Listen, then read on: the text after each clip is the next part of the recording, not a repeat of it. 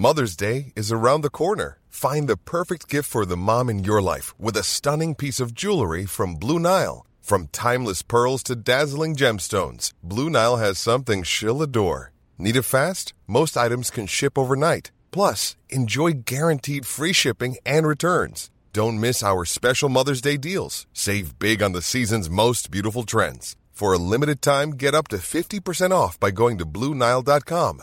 That's BlueNile.com. Hey, it's Ryan Reynolds, and I'm here with Keith, co star of my upcoming film, If, only in theaters, May 17th. Do you want to tell people the big news? All right, I'll do it. Sign up now and you'll get unlimited for $15 a month in six months of Paramount Plus Essential Plan on us. Mintmobile.com slash switch. Upfront payment of $45 equivalent to $15 per month. Unlimited over 40 gigabytes per month. Face lower speeds. Videos at 480p. Active Mint customers by 531.24 get six months of Paramount Plus Essential Plan. Auto renews after six months. Offer ends May 31st, 2024. Separate Paramount Plus registration required. Terms and conditions apply if rated PG. There's never been a faster or easier way to start your weight loss journey than with PlushCare. PlushCare accepts most insurance plans and gives you online access to board-certified physicians who can prescribe FDA-approved weight loss medications like Wigovi and Zepbound for those who qualify. Take charge of your health and speak with a board-certified physician about a weight loss plan that's right for you. Get started today at plushcare.com slash weight loss. That's plushcare.com slash weight loss. plushcare.com slash weight loss. Helt siden de første menneskene slo seg ned i Trøndelag, har det blitt observert underlige lys over Hessdalen. Fenomenet har blitt forsøkt bortforklart som syner sett av bygdetullinger og deliriske hallusinasjoner forårsaket av den lokale drikkekulturen. Men det skulle vise seg at fenomenet stakk langt dypere, når Hessdalen-fenomenet fikk verdensomspennende oppmerksomhet i ufo-miljøet på 1980-tallet. Fenomenet er fremdeles der og det er fremdeles like uforklarlig som den gang. I 2024 kommer en podkastserie i seks deler produsert av Project Hessdalen, som kanskje en gang for alle skal finne svar på hva som rører seg på himmelen i denne bortgjemte dalen i Trøndelag. Serien har som seg hør og bør fått tittelen A Blaze in the Northern Sky, og den kommer til din favorittpodkastavspiller i 2024. En trollmann hadde med sin magi formet hele verden etter sin vilje. Kunne han reise? Han kunne fly gjennom kosmos raskere enn stjernene. Kunne han spise, drikke og finne tilfredsstillelse? Det var ingen som ikke umiddelbart underkastet seg hans kommando. I systemet av ti millioner ganger ti millioner sefærer, og på de 22 millioner plan fikk han sine lyster oppfylt.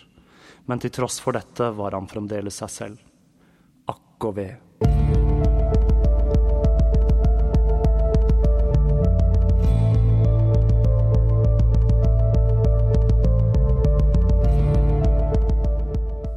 Hei og velkommen til Tåkeprat. Jeg heter Even, og når jeg tar opp denne episode 45, så er det søndag den 29. oktober 2017. Nå er vi bare noen få dager unna halloween, eller Samhain. Det er da natten da barrieren mellom vår verden og åndeverdenen er på det tynneste, og tiden er inne for årets viktigste heksesabbat. Selv om denne dagen dessverre er kapret av handelsstanden, og har som alle andre høytider blitt redusert til enda en anledning til å kjøpe masse ting man ikke trenger, så skal vi her i Tåkeprat feire Samhain helt uten godteri. Og med historien om en person som hadde en betydelig innflytelse på moderne magisk tradisjon. En person som nok hadde mer å gjøre med opprettelsen av moderne heksekunst som vikka enn det Gerald Gardner var villig til å innrømme. Poet, sjakkspiller, eventyrer, globetrotter, løgner, sannhetssøker, magiker, bifil, kvinnebedårer, kultleder, forfatter, dilettant, sexgal, heroinist, hedonist, yogi, maler, hemmelig agent og fjellklatrer er bare noen få av ordene som kan brukes for å beskrive personen jeg skal ta for meg i denne serien. Alistair Crowley etterlot seg en enorm mengde litteratur, mye av det kryptiske, magiske tekster. Han har blitt stemplet som ting som verdens ondeste mann, og han har inspirert generasjonene som kom etter. Som Beatles, som hadde han med på omslaget til Sergeant Pepper, og Led Zeppelins Jimmy Page, som kjøpte huset hans i Skottland. For ikke å snakke om all den musikken som er skrevet inspirert av livet til Crowley, med sanger som Ossie Osborns uh, Mr. Crowley og utallige andre som refererer både til han og verkene hans.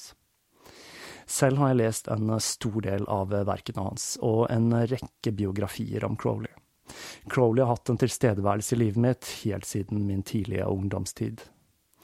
Helt siden jeg startet denne podkasten, så har denne britiske okkultisten murret i bakhodet mitt med sin tilstedeværelse.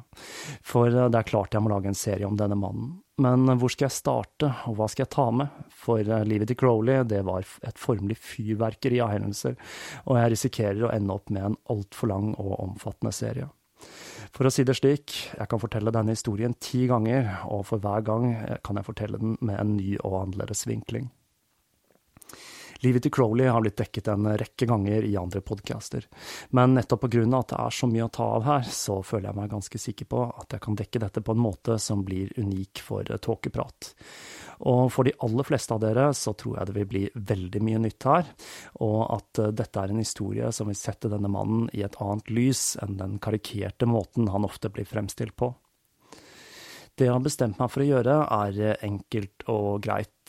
Vel om det går an å bruke betegnelsen enkelt og greit om hva som er den, nok er den mest kompliserte historien jeg har begitt meg ut på så langt her i Tåkeprat. Det jeg altså skal forsøke å gjøre, det er å følge livet til Crowley fra vugge til grav, uten å gå for detaljert inn på hvert enkelt område i livet hans, og eventuelt supplere denne serien med enkeltepisoder om spesifikke tema senere, som da eksempel hans tilknytning til britisk etterretning. Jeg kommer også til å styre unna mye av tallmagien som var sentral i Crowleys lære, og jeg kommer også til å la være å ha med detaljerte beskrivelser av ritualer og visjoner, i hvert fall så langt eh, de ikke er relevante for historien, for jeg innser at eh, dette temaet vil raskt ta altfor mye plass i serien, og jeg hadde håpet å bli ferdig med denne serien da før jeg dør av alderdom. Enda en grunn til at jeg vil unngå en del av tallmagien til Crowley, er at jeg har lyst til å oversette en del av tekstene hans, uten da å bekymre meg for den doble og enkelte ganger tredoble betydningen i hans tekster. På grunn av hans ekstreme livsførsel og konfliktsøkende vesen har dessverre Crowleys litteratur og poesi måttet spille andrefiolin i historien om livet hans. Og det er litt synd at Crowley kun er blitt en fotnote i litteraturhistorien, for tekstene hans har klare litterære kvaliteter som fortjener å bli dyttet frem i lyset, og ikke bli gjemt bort på en støvete bokhylle sammen med de andre okkultistene som opererte i samme periode. For her snakker vi tross alt om den samme perioden som teosofien med sine mange varianter gjorde sin seiersgang i Vesten.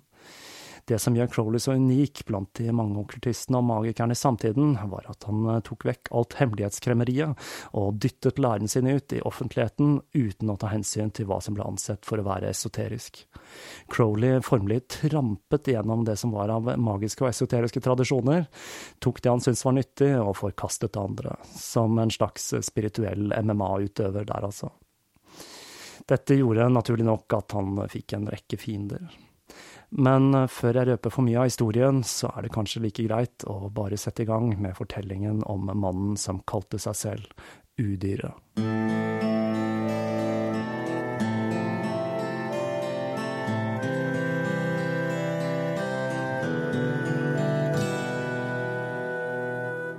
Alistair Crowley ble født som Edward Alexander Crowley i Warwickshire den 12. oktober 1875. Foreldrene hans var Edward Crowley og Emily Bertha Bishop.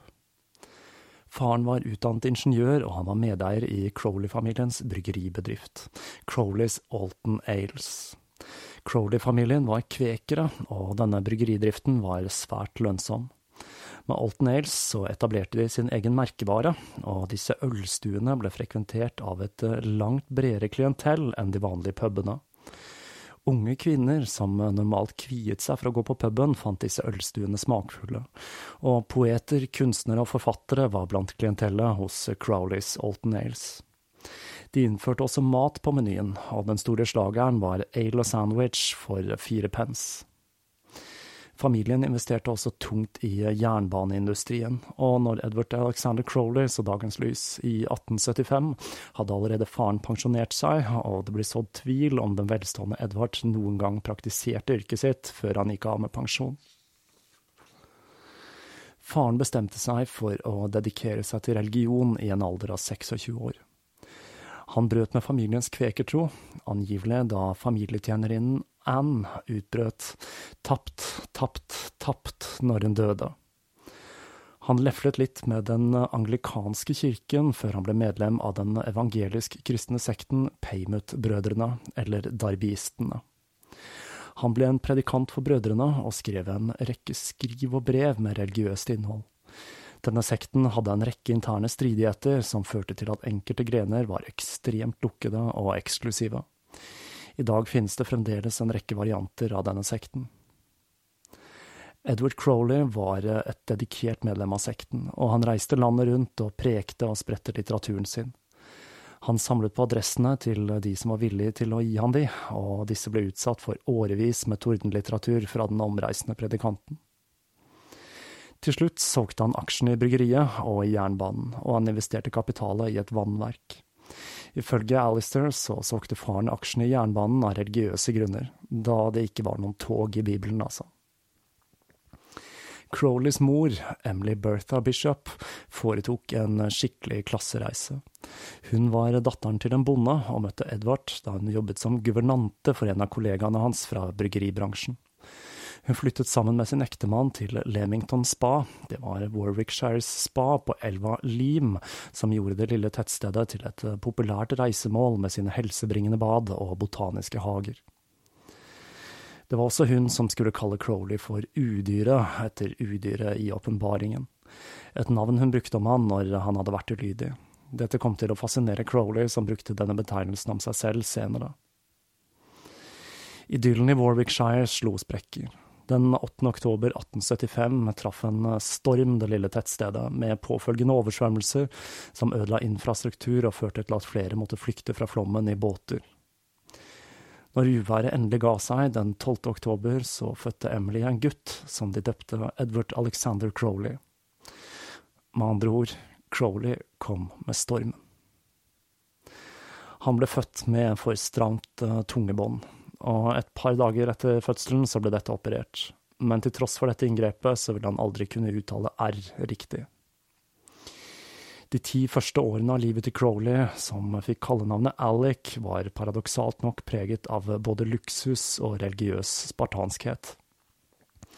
Han fikk for eksempel ikke ha leker, og den viktigste kilden til litteratur, det var Bibelen men til tross for dette så hadde han hva som må kunne kalles en privilegert barndom. Det var flere tjenere enn beboere i huset der han vokste opp, og utdannelsen den fikk han av, en, av privatlærere ved de forskjellige luksuseiendommene familien bodde ved de første årene av hans liv. I en alder av åtte så ble han sendt til en evangelisk kostskole, hvor han fikk vise seg frem som en svært oppegående og smart elev. Men Alex' lykkelige barndom skulle snart ta slutt. Edward Crowley var syk, ironisk nok da med tungekreft. Og familielegen sir James Paget, som hadde vært eh, dronning Victorias kirurg, og som var en av de beste legene i England, han tilbød seg å utføre operasjonen på Edward. Men etter å ha diskutert saken internt blant brødrene, så bestemte Edward seg for å stole på Gud. Og han forsøkte å bruke homopati for å stagge kreften. Men som de fleste vet, så virker jo ikke homeopati, og Edward Crowley han døde den 6. mars 1887. Han etterlot seg formuen sin på 150 000 pund til familien. Dette er en sum som tilsvarer nesten 50 millioner kroner i dag. Enken hans fikk en tredjedel, Alex skulle få den andre tredjedelen når han ble myndig, og den siste delen ble fordelt mellom de andre slektningene. Emily fortsatte Edvards arbeide med å sende ut religiøs litteratur. Hun solgte huset deres og bodde på diverse hotell i løpet av de neste årene. Innad blant brødrene oppsto det enda en religiøs debatt, som førte til en ytterligere splittelse i sekten, og dette førte til at Emily ble enda mer fanatisk religiøs og isolerte seg fra de tidligere vennene i darbiistene.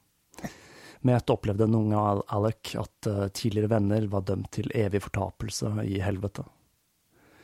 Emily gjenopptok også kontakten med sin egen familie, blant annet sin bror Tom Bishop, en svært religiøs mann som Crowley foraktet. Tapet av faren var svært tungt for den unge Crowley, som nå begynte å havne i trøbbel på skolen, og han måtte stadig til rektors kontor, hvor han ble straffet svært hardt for ulike påfunn og utagerende oppførsel. Alec fant en støttespiller i sin onkel Jonathan Crowley, som hadde to barn fra tidligere ekteskap og nå var gift med barnas tidligere guvernante. Han ble oppmerksom på den nedsatte tilstanden til Alec, og konfronterte rektoren ved skolen om bruk av ulike straffemetoder, og truet med å anmelde rektoren i rettsapparatet. Denne dragkampen med skolen fortsatte ut neste termin, da Alex' onkel Tom også ble dratt inn i konflikten, og det ble reist beskyldninger mot rektoren om drukkenskap og sodomi, og dette førte til at skolen ble stengt. Alec ble syk. Han ble diagnostisert med albuminuri, en tilstand som indikerer nyresykdom og på samme tid døde en av hans slektninger, Jonathan Sparrow Crowley, etter å ha lidd av albumineri de siste 20 år, noe som gjorde Alex' diagnose enda mer alvorlig og hans mor enda mer bekymret. Emily flyttet sammen med sin bror, og det ble bestemt at Alex skulle få hjemmeundervisning til han var frisk nok igjen til å begynne på skolen.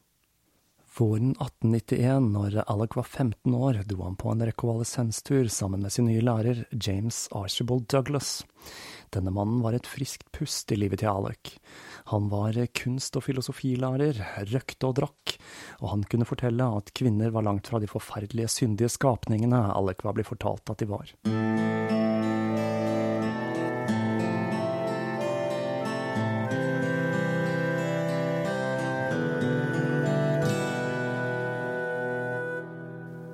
Denne sommeren mistet Alec jomfrudommen sin til en jente fra det lokale teatret, og han forsto at eh, sex var verken ondskap eller synd, men en eh, kilde til skjønnhet og glede. Alec var blitt en kjekk ung mann, og han begynte å få oppmerksomhet fra det motsatte kjønn. Når den nye stuepiken begynte å flørte med han, så visste ikke den uerfarne gutten hva han skulle gjøre, men affæren endte til slutt med at de to hadde sex på senga til Alecs mor. Det viste seg at stuepiken hadde brukt Alec for å få en bedre posisjon i husholdningen, og hun fortalte onkel Tom om hva som hadde skjedd. Alec nektet for det hele, og stuepiken ble avskjediget. Crowley kom senere til å uttrykke anger over at han hadde løyet om hva som skjedde den dagen. Den neste store hendelsen i livet til Alec skjedde på Guy Fawkes Day den 5. november 1891. Den 16 år gamle Alec hadde laget en bombe. Han gravde denne ned i en grop og tente på. Alec besvimte med ansiktet fullt av fragmenter uten engang å ha hørt den massive eksplosjonen som blåste ut vinduene i nabolaget. Etter denne eksplosjonen måtte han gå med bandasje for øynene i 40 dager. Crowley sa selv at dette skjerpet de andre sansene hans.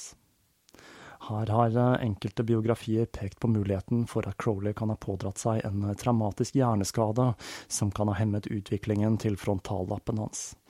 Dette er da en ting vi ser svært ofte blant ekstreme personligheter som seriemordere, hvor den mentale utviklingen ble hemmet tidlig i oppveksten som en følge av en hodeskade. En følge av denne hendelsen var at onkel Tom bestemte seg for at gutten hadde for mye fritid, og Alec ble sendt til en militærskole som var spesielt kjent for sitt idrettsprogram. Siden han var for syk til å drive med idrett, så ble han mobbet, og senere sa han om skolen at homoseksualitet ikke var unntaket, men regelen ved skolen, og han fortalte at en av klassekameratene hans prostituerte seg til de andre guttene for å få ekstra lommepenger. En viktig del av livet til Crowley, som kanskje er mindre kjent blant folk flest, er hans karriere som fjellklatrer. Den startet sommeren 1892, når Alec var på sommerferie sammen med sin mor på Isle of Skye i Skottland, som da er kjent for sitt bratte terreng som ble kalt for The Black Cullins. Som vi skal se, så møter Crowley svært mange viktige historiske personer i løpet av livet. Han hadde en finger med i spillet i bemerkelsesverdig mange historiske hendelser, um, både i løpet av sitt liv og til og med etter sin død. På Isle of Skye så møter den unge Alec ingen ringere enn en person vi husker fra den første delen av Den usynlige fienden, nemlig Joseph Lister, som i tillegg til å finne opp den antiseptiske metoden, var en svært ivrig fjellklatrer. Han overbeviste en gruppe med klatrere om å ta med seg Crowley til den 963 meter høye Sgurnan Gillian. Og denne opplevelsen den trollbandt Crowley, som i løpet av sommerferien besteg fem andre høyder i The Black Collins. Den høsten slapp han å dra tilbake til militærskolen, og han ble innmatrikulert ved Tonbridge i Kent, en av landets beste skoler. Men igjen så ble han syk, en sykdom han refererer kryptisk til i en av bøkene sine, men som slettes ikke var så mystisk når man leser hans håndskrevne kommentar i hans personlige kopi av boken. Fikk gonoré av en prostituert i Glasgow. Hans mor bestemte seg for at Alec ikke hadde helse til å gå på kostskole, og hun sendte han til Eastbourne for å bo med broder Lambert, en darbyist og lærer som skulle vise seg å gi han friere tøyler enn han hadde regnet med. I denne perioden utviklet han sin skrivekunst og poesi, i tillegg til å spille sjakk, noe han var svært dyktig til. Han skulle snart vise seg å være den beste sjakkspilleren i byen, og begynte å skrive sjakkartikler for lokalavisen. Den våren og sommeren brukte han på å klatre et tjuetalls topper i England. Men Crowley trengte nye klatreutfordringer. I det viktorianske England så var kalksteinsklippeklatring en ekstremsport som var i vinden. Med Beachhead med sine 174 meter med kalksteinsklipper som stuper rett ned i den engelske kanalen som den største utfordringen. Disse ble regnet som ubestigelige av de fremste fjellklatrerne i samtiden. Crowley tvilte sterkt på disse uttalelsene når han i 1894 stirret opp på de hvite klippene, og den 4. april begynte han sammen med sin fetter Gregor Grant flere forsøk på å bestige noen av de mer utfordrende partiene. Til tross for et mislykket forsøk der Crowley ble sittende fast og måtte reddes av kystvakten, så klarte de to å bestige den såkalte Djevelens pipe, to stupbratte kalksteinsklipper som hadde blitt sett på som umulige å klatre. Crowley klarte dette ved blant annet å bruke haken til å holde kroppen på plass mens han lette etter steder å feste henda. Dette var en ekstremsport som mer eller mindre døde ut i viktoriatiden. Her snakker vi om klipper som smuldrer ved den minste berøring, og kun en klippe på sju meter regnes som en ekstremt vanskelig stigning. Like etter dette så forlovet Gregor seg, og kalksteinsklatringen tok en brå slutt. Men Crowley ville ha mer. Han dro til Tyrol i Østerrike, hvor han fant et par guider og klatret Schrøtterhorn og Werteinspitze. Derfra dro han til den italienske alpelandsbyen Sulden, hvor han klatret solo og besteg Montesevald, Suldenspitz, Schenglester Hockvand, Gran Sebru, Turvenspitze, Ortler og flere. Disse fjellene har da en gjennomsnittlig høyde på 3500 meter. Når han klatret Ortler på kun seks og en halv time, så møtte han en amerikaner på toppen som hadde klatret opp på den andre siden med en guide. Dette var da den lette siden, og Crowley bestemte seg for aldri mer å klatre med guider. Han stolte mer på sitt eget instinkt og sine egne ferdigheter.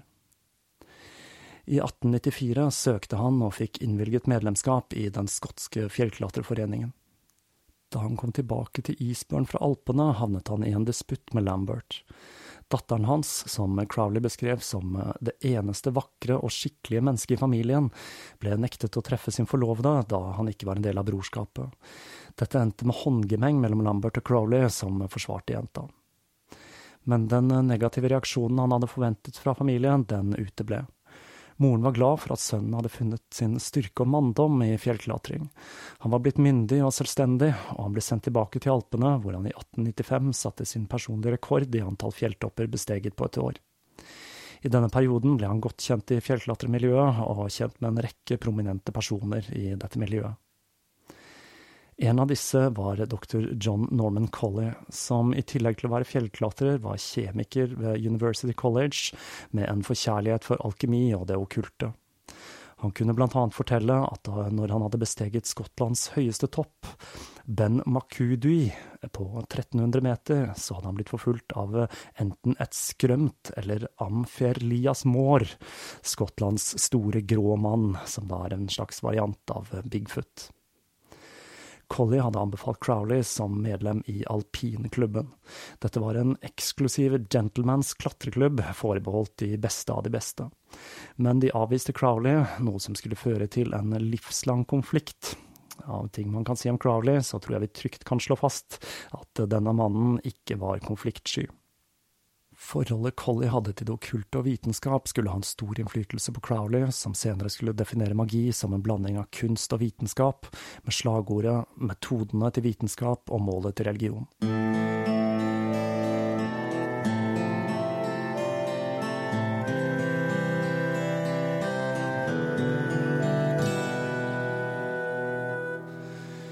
Men han ble igjen kalt hjem fra fjelltoppene denne gangen for å starte på Trinity College, hvor han startet i oktober 1895. Han mottok endelig sin del av arven, og innså at han ikke lenger ville beholde navnet Edward Alexander. Han forsøkte å finne et navn som gjenspeilet hans forkjærlighet for sjakk, poesi og fjellklatring, og han forsøkte seg med den galliske varianten av Alexander, Alistair, et navn han kom til å bruke resten av livet. Crowley var en ensom ulv ved Cambridge. Han brukte nettene på å lese og skrive da han var sikker på å forbli uforstyrret. Igjen så viste han seg som en fremragende sjakkspiller, da han ble president i sjakklubben. Ved Cambridge så ble han også introdusert for poesien til Percy Shelley, som var en av de viktigste innflytelsene på hans skrivekunst.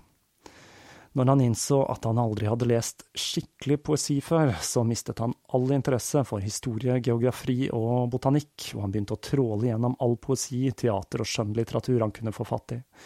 Leiligheten hans fylte seg opp med bøker fra gulv til tak, og i 1896 kledde han seg som en poet, med silkeskjorte, tversoversløyfe og hatt, og han skrev poesi konstant. Han unnlot å møte opp til forelesninger og dukket kun opp til eksamen, men til tross for dette så gjorde han det ekstremt godt, og han var en fremragende student. Vinterferien 1896 tilbrakte han på egen hånd. Han reiste rundt i vinterkulden i Nord-Europa og besøkte Nederland, Danmark, Sverige og Norge. Yes, Crowley han var i Norge to år før tårnhuset til frøken Fogner i St. Olavs gate ble revet, og det samme året Ivar Aasen tok kvelden i Kristiania.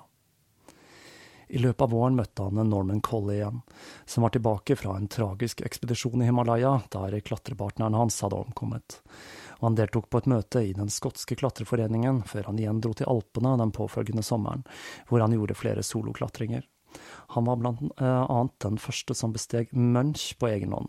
Det er da 4106 meter, og han klatret en isfoss, Vybes Serax, som den første i verden.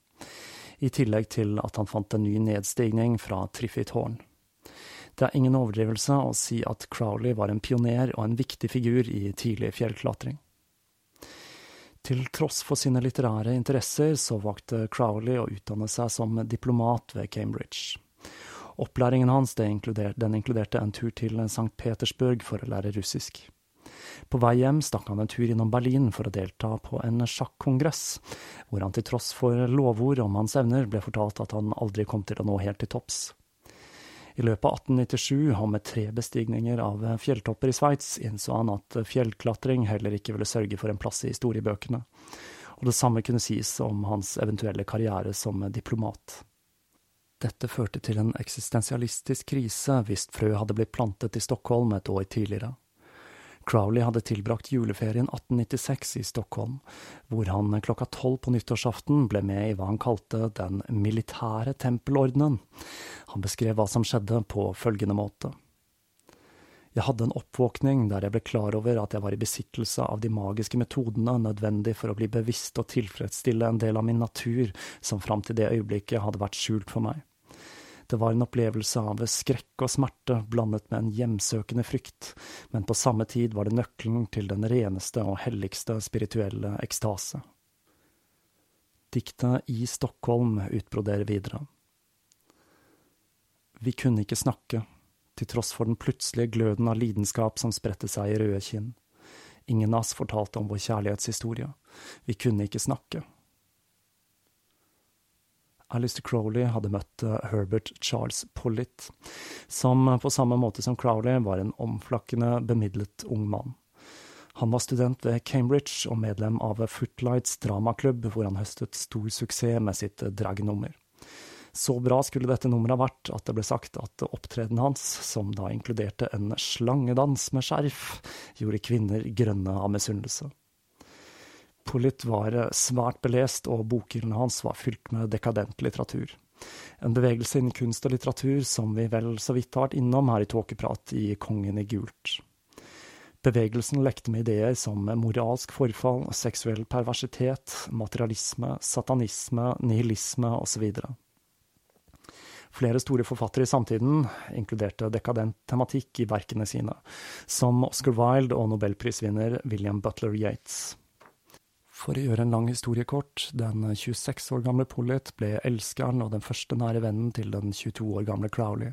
For å bruke Crowleys egne ord, jeg bodde med Pollitt som hans kone i seks måneder, og han gjorde meg til en poet. Crowleys spirituelle krise nådde et klimaks julen 1897, hvor han frasa seg sin barnetro og begynte å søke etter alternativ spiritualitet. I en bokhandel fant han The Book of Black Magic and Pacts, som skulle vise seg å kun være en samling av gamle magiske tekster. Men i boken kunne han skimte ideen om at det fantes en hemmelig kunnskap som kunne føre eleven til et høyere spirituelt plan.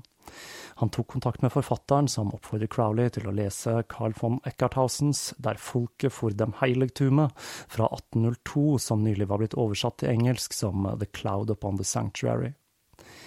I mellomtiden slo forholdet mellom Pollitt og Crowley sprekker. For den 27 år gamle dragartisten delte ikke Crowleys entusiasme for fjellklatring eller hans spirituelle søken. I Eckarthausen fant Crowley hva han lette etter. Fortellingen om en hemmelig, eldgammel magisk orden der elevene steg i et gradsystem etter hvert som de tilegnet seg mer og mer kunnskap. Men hvor skulle han starte å lete etter denne ordenen, og mesterne som styrte den? Det eneste han kunne gjøre, det var å be, og bønnene hans ble besvart av en eksentrisk fjellklatrer med fullskjegg, stråsandaler og fiskehatt, som skulle vise seg å være den andre fjellklatreren med en bakgrunn fra kjemi og en interesse for det okkulte som krysset Crowleys vei, nemlig Oskar Johannes Ludvig Eckenstein. Eckenstein var 17 år eldre enn Crowley, og sto bak en rekke tekniske nyvinninger på klatrefronten. I likhet med Crowley så var han ikke på godfot med alpinklubb One size fits all seemed like a good idea for clothes. Nice dress. Uh, it's a it's a t-shirt. Until you tried it on. Same goes for your healthcare. That's why United Healthcare offers a variety of flexible, budget-friendly coverage for medical, vision, dental, and more. So whether you're between jobs, coming off a parent's plan, or even missed open enrollment, you can find the plan that fits you best. Find out more about United Healthcare coverage at uh1.com. That's uh1.com. Everyone knows therapy is great for solving problems, but getting therapy has its own problems too, like finding the right therapist, fitting into their schedule, and of course, the cost. Well, BetterHelp can solve those problems. It's totally online and built around your schedule. It's surprisingly affordable too. Connect with a credentialed therapist by phone, video, or online chat, all from the comfort of your home. Visit betterhelp.com to learn more and save 10% on your first month. That's BetterHelp H E L P. og de to kom strålende overens.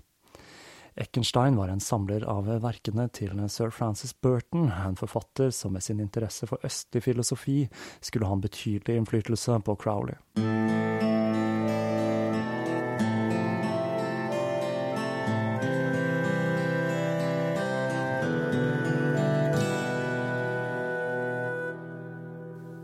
Eckenstein ble en slags kung fu-lærer for Crowley, med sine uortodokse klatreteknikker og tilsynelatende umenneskelige styrke. Han skulle ha vært i stand til å dra opp hele kroppen sin med kun bruk av tre fingre. Sammen så planla de to å ta innersvingen på alpinklubben ved å takle den svært utfordrende Baltoro-isbreen i Himalaya. Forholdet mellom Pollitt og Crowley tok nå helt slutt, i en episode der Crowley sniker seg unna for å skrive. Han blir oppsøkt av Polit og forteller han at jeg har gitt livet mitt til religion, og du er ikke lenger en del av bildet. Dette var en beslutning Crowley raskt angret, og som skulle forfølge han i mange år etterpå. Han skrev et brev med en unnskyldning, men han postla det aldri. I 1890 kom også Crowleys første bok, og den var dedikert til Pollitt som Min elsker og herre. Boka, Akeldama, et sted å begrave fremmede, er et dikt i 32 stanser som spenner fra erotikk til det guddommelige. Boka ble trykket i kun 100 luksuriøse eksemplarer. Dette med svært påkostede utgivelser er noe som preger Crowleys førsteutgivelser. Boka ble trykket i to versjoner i outsize velum, noe jeg da tror betyr innbundet pergament. Jeg er ikke helt sikker på den outsize-benevnelsen der, altså. Ti eksemplarer ble trykket på japansk velum, som da er en ekstremt dyr og eksklusiv papirtype, og resten ble trykket på håndlaget papir. Foreleggeren til Crowley var Leonard Smithers, som også var en venn av Pollitt. Han var en kjent og kjær figur i forfattermiljøet på den tiden, og hadde en rekke karakteristiske trekk. Han drakk som en svamp og var en notorisk utro. Oscar Wilde hadde følgende å si om Smithers. Han elsker førsteutgaver, spesielt kvinner. Små jenter er hans lidenskap. Han er den mest lærde erotomanikeren i Europa. Han er også en herlig fyr og en kjær venn. Smithers var kjent som en svært smart forelegger. Han ga ut noen av de vakreste bøkene som noen gang var trykket, og han supplerte inntekten sin med å trykke erotisk litteratur. Som jeg nevnte i Nattens barn, så var dette det syndige tiår hvor denne typen litteratur var svært populær. Etter rettssaken mot Oscar Wilde så var Smithers den eneste som turte å publisere de tre siste bøkene hans. Jeg publiserer det ingen andre tør trykke, skrøt han til Crowley, som tok dette som en oppfordring, og skrev Akeldama. Smithers var også det naturlige førstevalget for Crowleys neste publikasjon, White Stains, som til tross for å være ganske tam sett med dagens øyne, ble stemplet som pornografisk. Selv om den helt klart hører hjemme blant dekadent litteratur. Denne boka ble også trykket i kun 100 eksemplarer, og Crowleys neste manuskript, Green Alps, ble aldri trykket, da trykkeriet brant ned mens det behandlet manuset. Med trykkeriet til Smithers ut av drift og Polit ut av bildet, følte Crowley behov for en forandring. Til tross for å ha fullført alle kurs og eksamener ved Cambridge, fulgte han tradisjonen til Byron, Shelley, Swinburne og Tennyson, og forlot universitetet uten å fullføre, for heller å forfølge sine egne drømmer. Hele juli 1898 teltet Crowley og Eckenstein ved siden av Schönbühl-isbreen i Alpene. Crowley ble trent i Eckensteins bisarre opplæringsprogram, som da inkluderte å skli ned isbreen i stor fart uten å bremse, for så skulle kunne sprette opp på beina innen fem sekunder. Han lærte også Crowley å bruke crampons, eller isklør, et verktøy han utviklet, som han senere lagde en hengslet utgave av, som i dag er kjent som Eckenstein-kramponen. Han var også delaktig i å utvikle isøksen til den versjonen vi kjenner i dag. Eckensteins nyskapende redskap og teknikker ble latterliggjort av det etablerte klatremiljøet, men sannheten var at eh, til tross for de merkelige teknikkene og redskapene, så klarte Eckenstein og Crowley å utrette ting som tidligere hadde blitt ansett for å være umulig. I denne perioden begynte Crowley å studere S.L. McGregor Mathers oversettelse av The Kabbalah Unveiled, som var en oversettelse av en oversettelse av, en gammel, av gammel jødisk mystisk litteratur. Crowley så at boken inneholdt et vell av informasjon, men han kunne bare ikke begripe hva, noe som gjorde at dragningen hans mot boken ble enda sterkere. I august trengte Crowley en pause fra den strabasiøse treningen, og en kveld hvor han var i en ølhall i landsbyen Sermat, begynte han å holde et selvsikkert foredrag om alkemi til en engelskmann han møtte der. Lite visste han at han hadde støtt på den tredje fjellklatreren på sin vei, som var kjemiker, og som hadde en utstrakt kjennskap til det okkulte og alkemi. Mannen presenterte seg selv som Julian L. Baker, og skulle vise seg å ha en langt mer inngående kjennskap til alkemi enn hva Crowley selv hadde. Han spør Baker om han er en av mesterne han har lett etter, hvorpå han rister på hodet og sier at eh, når vi er tilbake i London, så skal jeg introdusere deg for en som vet mer om magi enn det jeg gjør.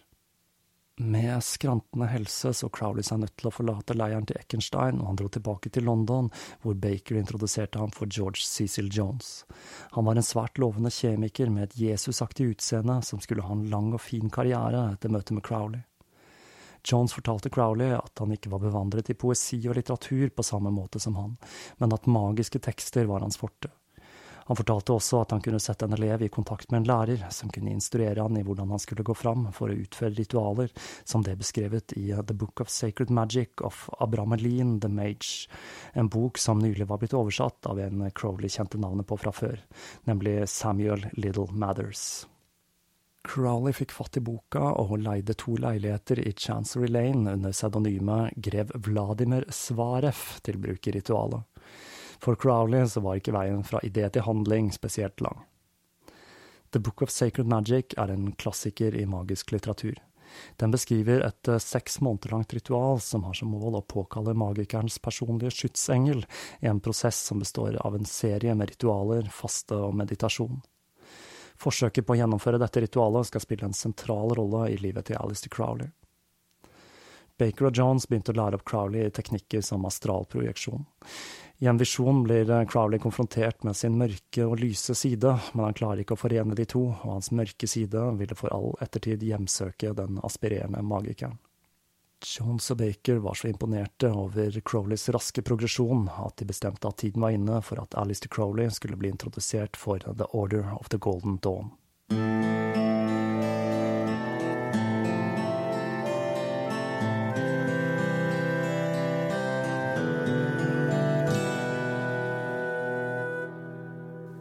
Kommer da til å bruke The Order of the Golden Dawn, eller Golden Dawn om denne ordenen, da Det gylne daggry får meg til å tenke på dette ekstreme greske partiet med sitt svært tvilsomme partisymbol. Jo da, det er sikkert en gammel gresk bord dere har der, men med den sorte borden på en rød bakgrunn, så er det ganske åpenbart hvilket tankegods dette partiet kan skilte med. Grunnleggeren av, av, det britiske Golden Dawn var William Wynne Westcott. Han var en rettslege med en rekke prominente verv, som også hadde skrevet flere bøker. I tillegg til dette så hadde Westcott en brennende fascinasjon for hermetisk filosofi og esoteriske tradisjoner. Han var en frimurer og nådde det trettende nivået av den gamle og anerkjente skotske ritus i 1886, som da er et høygradssystem i frimureriet, og i 1893 ble han mestermurer i den organisasjonen. Han var også medlem av den britiske Rosenkorsordenen, Societeas Rosicruciania in Angelica, og han var medlem av Det teosofiske selskap med madame Blavatsky i spissen. I 1887 fant Westcott et gammelt manuskript i biblioteket til Rosenkorsordenen. Det var skrevet i kode, og når han dekodet manuskriptet, fant han beskrivelser av ritualer og adressen til en Fraulein Anna Sprengel, et medlem av den tyske Rosenkorsordenen. Han skrev til henne, og til hans store overraskelse mottok han et brev med autorisasjon til å starte en engelsk gren av den esoteriske organisasjonen De Goldene Dammerung og med det så startet den britiske grenen av Golden Dawn. For å hjelpe han med å starte opp, så tok han kontakt med to andre medlemmer i Rosenkorsordenen. V.R. Woodman, som var suprem magus i ordenen. Han var en pensjonert lege, og som hadde studert kabala, egyptiske antikviteter, gnostisisme, filosofi, tarot, astrologi og alkemi. Og ikke minst så tok han kontakt med Samuel Little Matters, mannen som hadde oversatt The Book of Sacred Magic og Kabbalah Unveiled. Mathers var en fargeklatt og den sprekeste personligheten i Golden Dawn.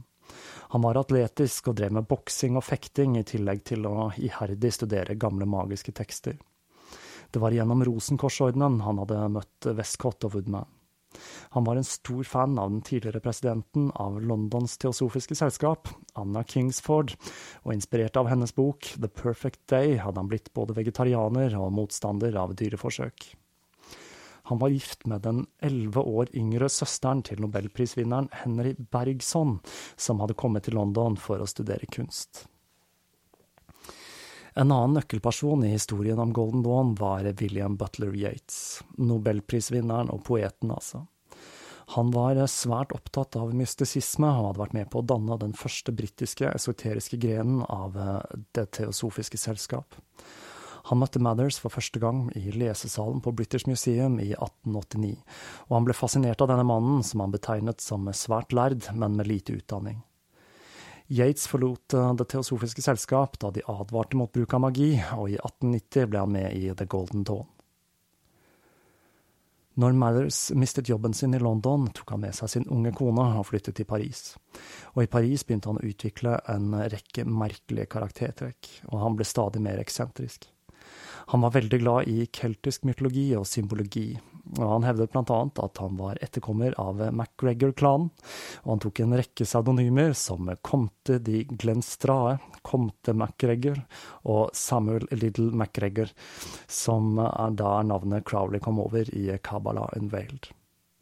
Han syklet rundt i Paris kledd i full skotsk habitt, med kilt og det hele, og skal etter sigende ha utført den tradisjonelle skotske sverddansen i full offentlighet. I London gikk det rykter om at Mathers trodde han var reinkarnasjonen av den skotske trollmannen kong James den fjerde. Det samme året døde Woodman, og Westcott overtok rollen som suprem magus i Rosenkorsordenen, noe som gjorde at han hadde mindre ressurser til å drive Golden Dawn, og dette gjorde at Mathers nå i praksis var ordenens leder.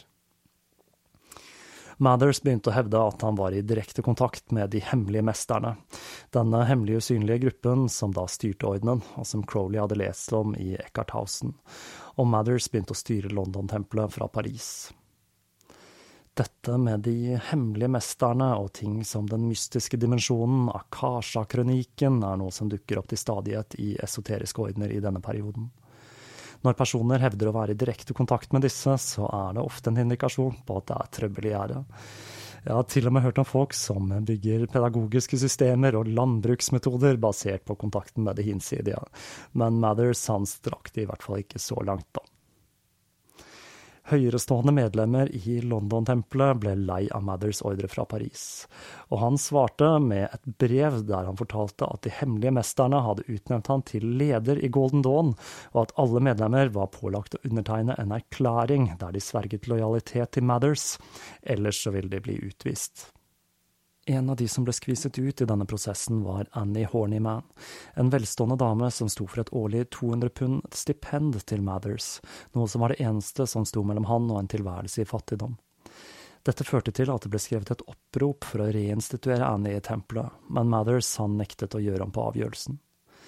Alt dette bråket førte til at Westcott trakk seg ut av Golden Dawn.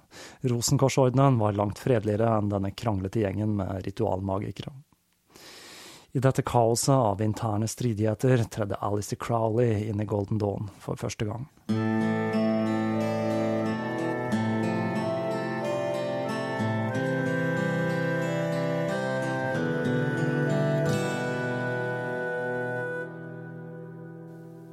Crowley hadde litt blandede følelser i sitt første møte med Golden Dawn. Han likte gradsystemet, hvor man måtte gjennom fire grader før man kunne ta del i den mystiske andre ordenen.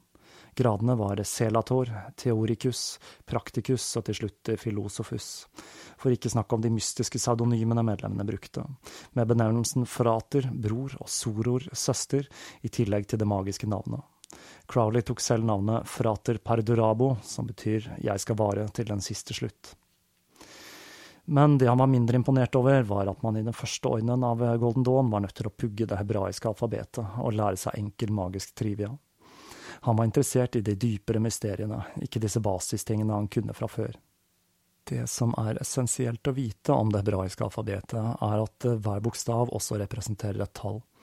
Slik at eksempel Elohim, et av de hebraiske ordene for Gud, har den numeriske verdien 86, som tilsvarer verdien til Hateva, som da betyr natur.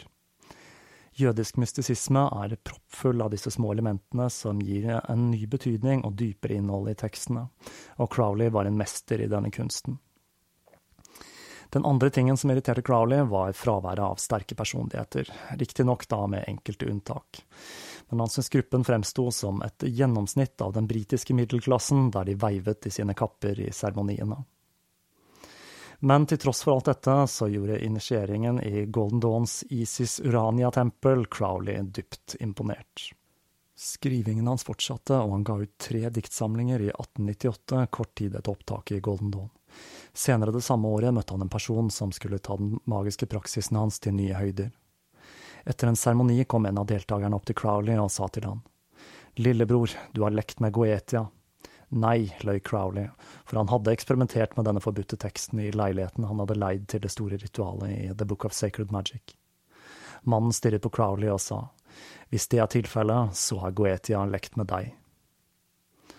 Denne mannen var Alan Bennett, eller frater i hei aor, som da betyr la det bli lys, som også gikk under kallenavnet Den hvite ridder etter Louis Carrolls Gjennom speilet, oppfølgeren til Alice i Eventyrland, altså. Det verserte en rekke fantastiske historier om alle tingene denne mannen hadde oppnådd, etter først å ha kommet i den opplyste tilstanden Shiva Darvashana, en yogisk transe der hele universet er samlet i ett og egoet opphører. En tilstand han hadde oppnådd allerede i en alder av 18 år. Etter dette hadde han dedikert seg til sin magiske praksis, med spesiell fokus på hinduisme og buddhisme, og i 1894 hadde han blitt et medlem av Golden Dawn. Bennett hadde astma, noe som gjorde at han brukte opium, morfin, kokain og kloroform for å bedre tilstanden. Dette hadde gjort at Bennett hadde blitt klar over at enkelte stoffer kan brukes for å oppnå høyere stadier av bevissthet. Her er det kanskje på sin plass å minne på at dette var medikamenter som var vanlig å bruke i behandling av ting som astma på denne tiden, og at dette var lenge før det fantes noen krig mot narkotika.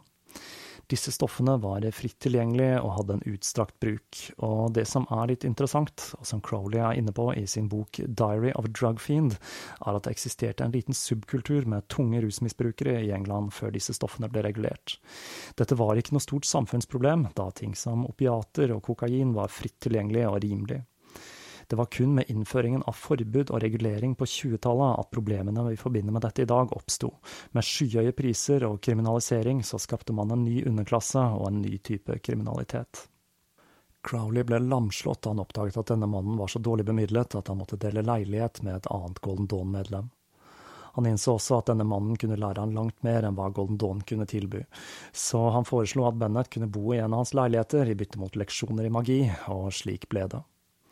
Med Bennets hjelp raste Crowley gjennom gradene, og det var av Bennett han lærte at det finnes substanser som kan åpne portene til en verden bak materien, noe som skulle få enorme konsekvenser Crowley selv aldri ville være vitne til.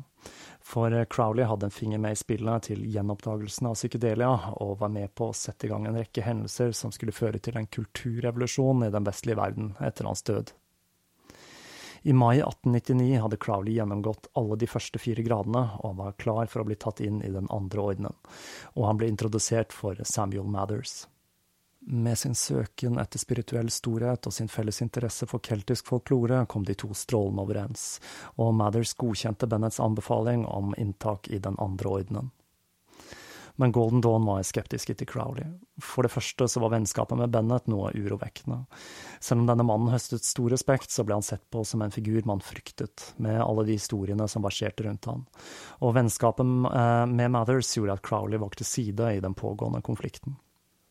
Crowley han hadde da også, selvsagt hadde jeg nært sagt, et godt øye til en kvinne i Golden Dawn nemlig Soror semper fidelis, som da betyr alltid trofast, eller Elaine Simpson, som hun het på det jordiske plan.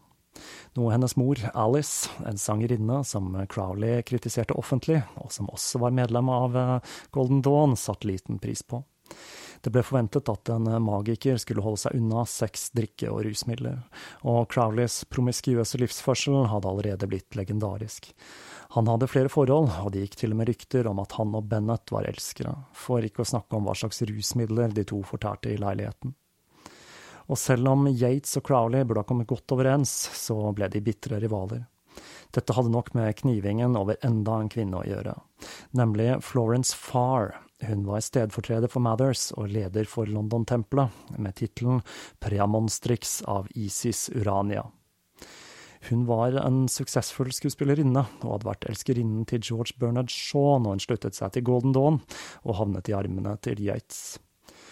Og inn kom altså Crowley og stakk kjepper i hjulene for Yates, med noe som da skal ha vært en kortvarig affære med far. Og på toppen av det hele så ble Crowley en bedre venn av Mathers enn det Yates var, noe som gjorde alt bitrere for poeten. Dette førte til en lang svartekampanje mellom de to poetene som rakket ned på hverandres verker og beskyldte hverandre for svart magi. Det skulle altså ikke stå på drama i Golden Dawn. På en ferietur i Skottland så kom Crowley over Bullskine, et imponerende enetasjes hus bygget på slutten av 1700-tallet.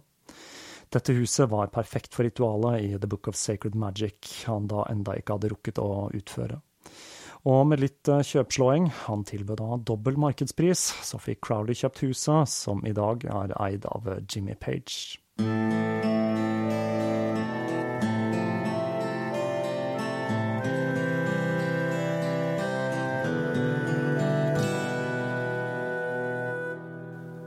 Crowley nøt sitt nye hjem ved Loch Ness. Han gikk på lange turer og jaktet på hjort og orr i de skotske omgivelsene, og kalte seg selv Laird Ballskine. Og her ser vi noe av den humoren som skulle komme til å prege Crowley. Rundt på eiendommen satte han opp skilt hvor man kunne lese Vokt deg for Yktiosaurusen og dinoterriniumene er løse. Inspirert av Mathers spradet han rundt på eiendommen ikledd den skotske nasjonaldrakten med tartane til MacGregor-klanen. Crowley søkte om opptak i den andre ordenen, men han ble til sin store overraskelse avvist av Farr og en annen hendelse skulle røre enda mer i intrigene i Golden Dawn. En av Crowleys mange elskerinner hadde skrevet et brev der hun tagg om å få møte han igjen. Crowley takket ja til å møte den gifte kvinnen på et hotell, men da de møttes, så ble det noe helt annet ut av møtet enn det hun hadde forestilt seg. Crowley han ba om 100 pund, og sa at de ikke var til han selv, men til et annet formål, og at hun aldri måtte kreve noe igjen. Grunnen til dette var at Bennett var blitt syk og trengte penger for å kunne reise til et buddhistkloster. Crowley ville ikke gi han av sine egne penger for ikke å ødelegge vennskapet, og det var derfor han kom med denne merkelige forespørselen til elskerinnen. Hun ga ham de hundre pundene, og Crowley han forsvant ut av livet hennes. Dette førte da til masse skandale, og politiet ble trukket inn, i tillegg til at det begynte å sirkulere rykter om Crowleys homofile forhold til Pollitt noen år tidligere. Crowley han rømte fra striden og til Paris, hvor han møtte Mathers, som innviet han på egen hånd i Rosea Rubea et Aurea cricis, Rubinrosen og Gullkorset, den andre ordenen av Golden Dawn. Etter at Mathers ved hjelp av astrologi hadde forutsett at det var farlig for Crowley å dra til London, tok Crowley en snartur innom storbyen for å sjekke hvordan alt lå an, før han dro til Skottland og Bolskine for å vente på at gemyttene skulle roe seg. Der fikk han endelig startet med ritualet fra The Book of Sacred Magic. Han forsøkte å ansette flere assistenter, men en rekke mystiske hendelser, som da vaktmesteren ved Bolskine eh, forsøkte å drepe kona og barna sine etter å ha vært på fylla i tre dager, fikk Crowley til å innse at ritualet også ville tiltrekke seg negative krefter, og han bestemte seg for å gå gjennom det hele på egen hånd. Florence Farr trakk seg nå som leder for London-tempelet, og Mathers tok dette som et tegn på at Westcott hadde tenkt å kuppe organisasjonen. Dette førte til enda en serie med konflikter, hvor Mathers beskyldte Westcott for aldri å ha hatt kontakt med de usynlige mesterne. Dette surnet da forholdet mellom medlemmene i London og Mathers ytterligere. Og når Crowley henvendte seg til London-tempelet for å få skriftene han trengte for å gå videre i den andre ordenen, ble han bryskt avvist og fortalt at de ikke anså hans grad som gyldig.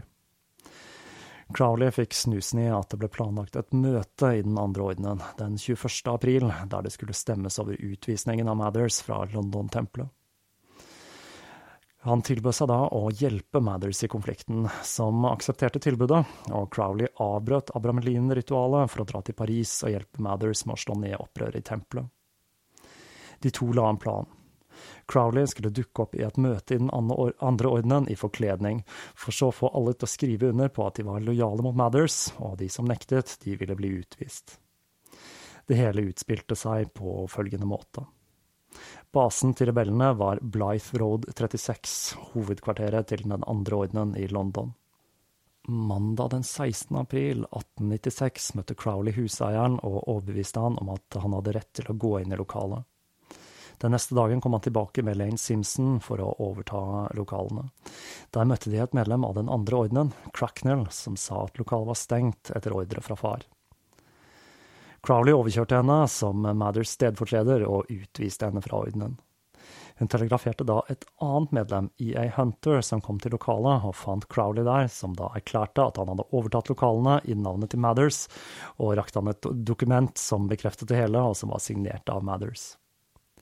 Hunter forsøkte å si at eh, Mathers autoritet hadde blitt stemt ned, men Crowley han ville ikke høre noe av den slags snakk, og huseieren, som da ikke hadde noe skriftlig fra far, som tross alt betalte husleia, han eh, kunne ikke gjøre noe med saken. Crowley sendte ut et telegram der han avlyste det planlagte møtet den 21., og inviterte til sitt eget møte den 20., med møteplikt. Den 19. april dro Yates og Hunter til huseieren med en skriftlig tillatelse fra far, som tillot de å skifte låsene til lokalet. Den 20. april ankom Crowley ikledd sin skotske Highland-habitt, med en svart maske, et digert gullkors rundt halsen og en dolk i beltet, mens han forsøkte å ta seg inn i lokalet. Han ble nektet adgang, politiet ble tilkalt, og han ble bortvist. Dette førte til at Crowley begynte med hva vi i dag vel vil kalle trolling. Stedet ble nedbrent av telegrammer adressert til McGregor. og plutselig dukket en kraftig kar opp som var på leting etter Blythe Road 36. Han var da blitt leid inn av Crowley på en lokal pub for å skape uro på stedet. Senere samme dag møttes rebellene, og de utviste Mathers og hans lojalister, som da var Berridge og Mrs. og Miss Simpson fra den andre ordenen. Og det ble bestemt at personer utenfor London ikke kunne innvie personer i den andre ordenen i det britiske Isis Urania-tempelet. Det hele ble avsluttet med en rettssak hvor Crowley beskyldte Golden Dawn for å være i besittelse av noen av eiendelene hans. Men Golden Dawn, med Yates som ny leder, vant saken, og Crowley måtte punge ut en bot på fem pund. Men tro det eller ei, etter påske dro Westcott og den utviste Barrage til Paris for å åpne en fransk gren av Golden Dawn under Mathers ledelse. Og i Skottland fortsatte Crowley arbeidet med ritualet til Abramelin.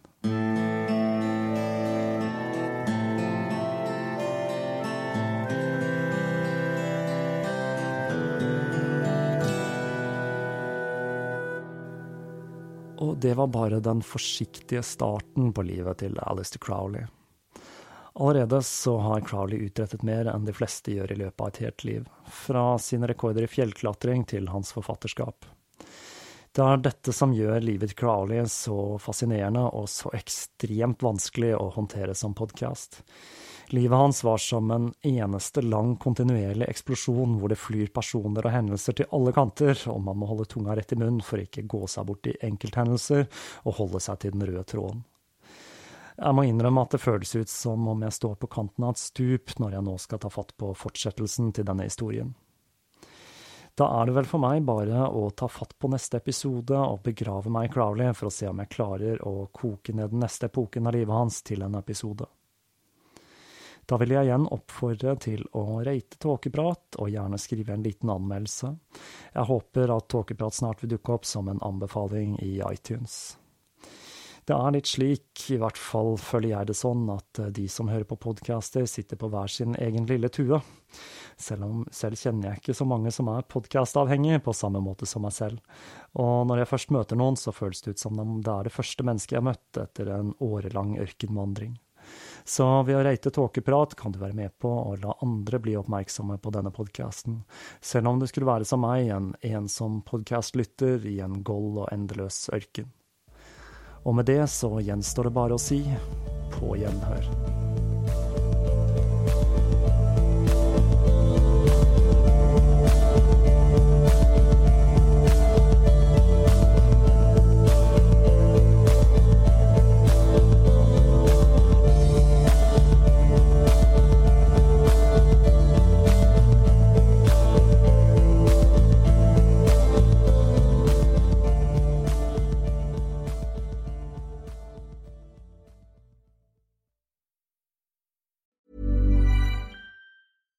Hey, it's Paige DeSorbo from Giggly Squad. High quality fashion without the price tag. Say hello to Quince.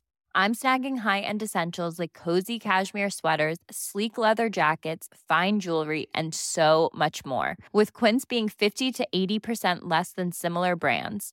And they partner with factories that prioritize safe, ethical, and responsible manufacturing. I love that. Luxury quality within reach. Go to quince.com slash style to get free shipping and 365 day returns on your next order. Quince.com slash style.